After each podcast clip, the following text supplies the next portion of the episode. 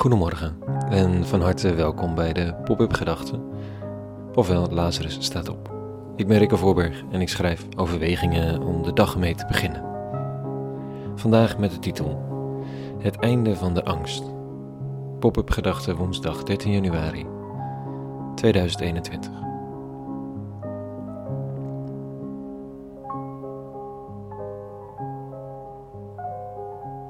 Kunstenaar Jelle Korevaar maakt kinetische kunst.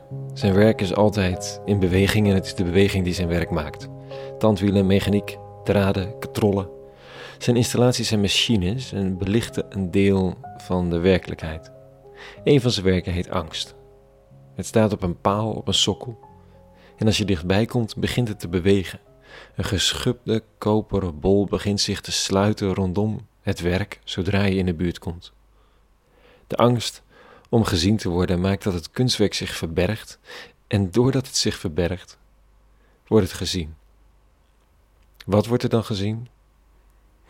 De gepantserde buitenkant, die zich sluit om zichzelf. De schubben doen denken aan het kleine diertje in de vorm van een pissebed, de oproller of de oprolpissebed, Armadillidium geheet. Google maar eens. Het beestje dat zich bij gevaar oprolt tot een perfect gesloten balletje, het meest magische moment is wel, als je het kent, als dat, als dat perfect gesloten balletje zich veilig waant, halverwege openbreekt en er voorzichtig de wriemelende pootjes tevoorschijn komen. Oké, terug naar de angst, naar Jelle en naar vandaag. In het werk van Jelle toont zichzelf, denk ik, de mens.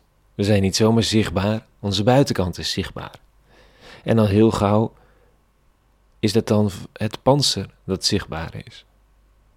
Waarom? Nou ja, omdat we bang zijn gezien te worden. Omdat we allemaal weten hoe kwetsbaar de binnenkant is. En, de ingebakken en we de ingebakken neiging hebben om pijn te vermijden. Pijn, verwonding, kwetsbaarheid, sterven.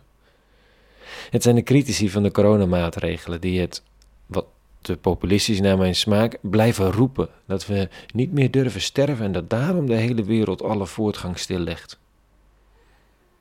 Het is niet geheel zonder grond.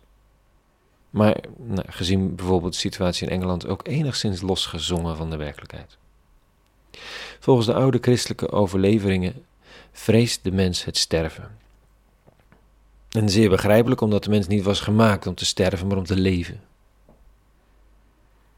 Het is voor ons ondenkbaar, hè, leven zonder sterven. En de oude spiritualiteit heeft het in veel gevallen misschien wel ook minder over de lichamelijke dood en over een geestelijk, spiritueel dood zijn. Maar toch de angst om irrelevant te zijn, de angst om geen plek te hebben in de wereld, de angst om te verliezen, jezelf of belangrijke anderen. Het doet nogal iets met ons. En vaak heeft die reactie op die angst de vorm van het panzer van Jelles werk. Een glimmend panzer, groter dan onszelf Uitgezonden via Insta, Twitter, Facebook, vormgegeven in glimmende gebouwen soms, of dat nu kerken of kantoorpanden zijn. Ze steken allemaal vier in de hoogte, larger than life, ongenaakbaar en soms spijkerhard. Noem bijvoorbeeld de verzorgingsstaat. Ze mag niet omvallen. We zijn wel goed, maar niet gek. En dus slaan de wanhopige kreten van mensen die aangemerkt worden als bijstandsfraudeurs stuk op de harde schilden van de ambtenarij ons land moet behouden, dus sluiten de schilden zich aan de grenzen. Oh, en heeft een van de grootste partijen in ons land, in de peilingen dan, snoeiharde discriminatie op basis van godsdienst en het schenden van tenminste vier mensenrechten schaamteloos in hun verkiezingsprogramma staan. Schuilt achter al die hardheid de angst van mensen die weten kwetsbaar te zijn? Dit staat vanochtend te lezen in de preek die Paulus stuurt aan de Hebreeën, hoofdstuk 2 broeders en zusters, omdat de kinderen van mensen, omdat de kinderen van mensen van vlees en bloed zijn, is God mens geworden in Jezus Christus. Om door zijn dood definitief af te rekenen met de heerser over de dood, de duivel, en zo allen te bevrijden die slaaf waren van hun levenslange angst voor de dood. Hoe dan, beste Jezus van Nazareth, afrekenen met levenslange angst voor de dood en dan definitief nog wel. Er is geen glimmende schilden meer. En wat is er dan wel zichtbaar zonder glimmende schilden en torens van ongenaakbaarheid? Nou ja, in Jezus een kwetsbaar mens dat durft te sterven blijkbaar. Een die weigert de rijen te sluiten en de ophaalbrug op te trekken. En vervolgens leeft als geen ander, dwars door de ellende van de kwetsbaarheid heen. Ik betwijfel of we definitief bevrijd zijn van de levenslange angst voor de dood. Maar de potentie ligt er. De man van Nazareth heeft een weg gebaand.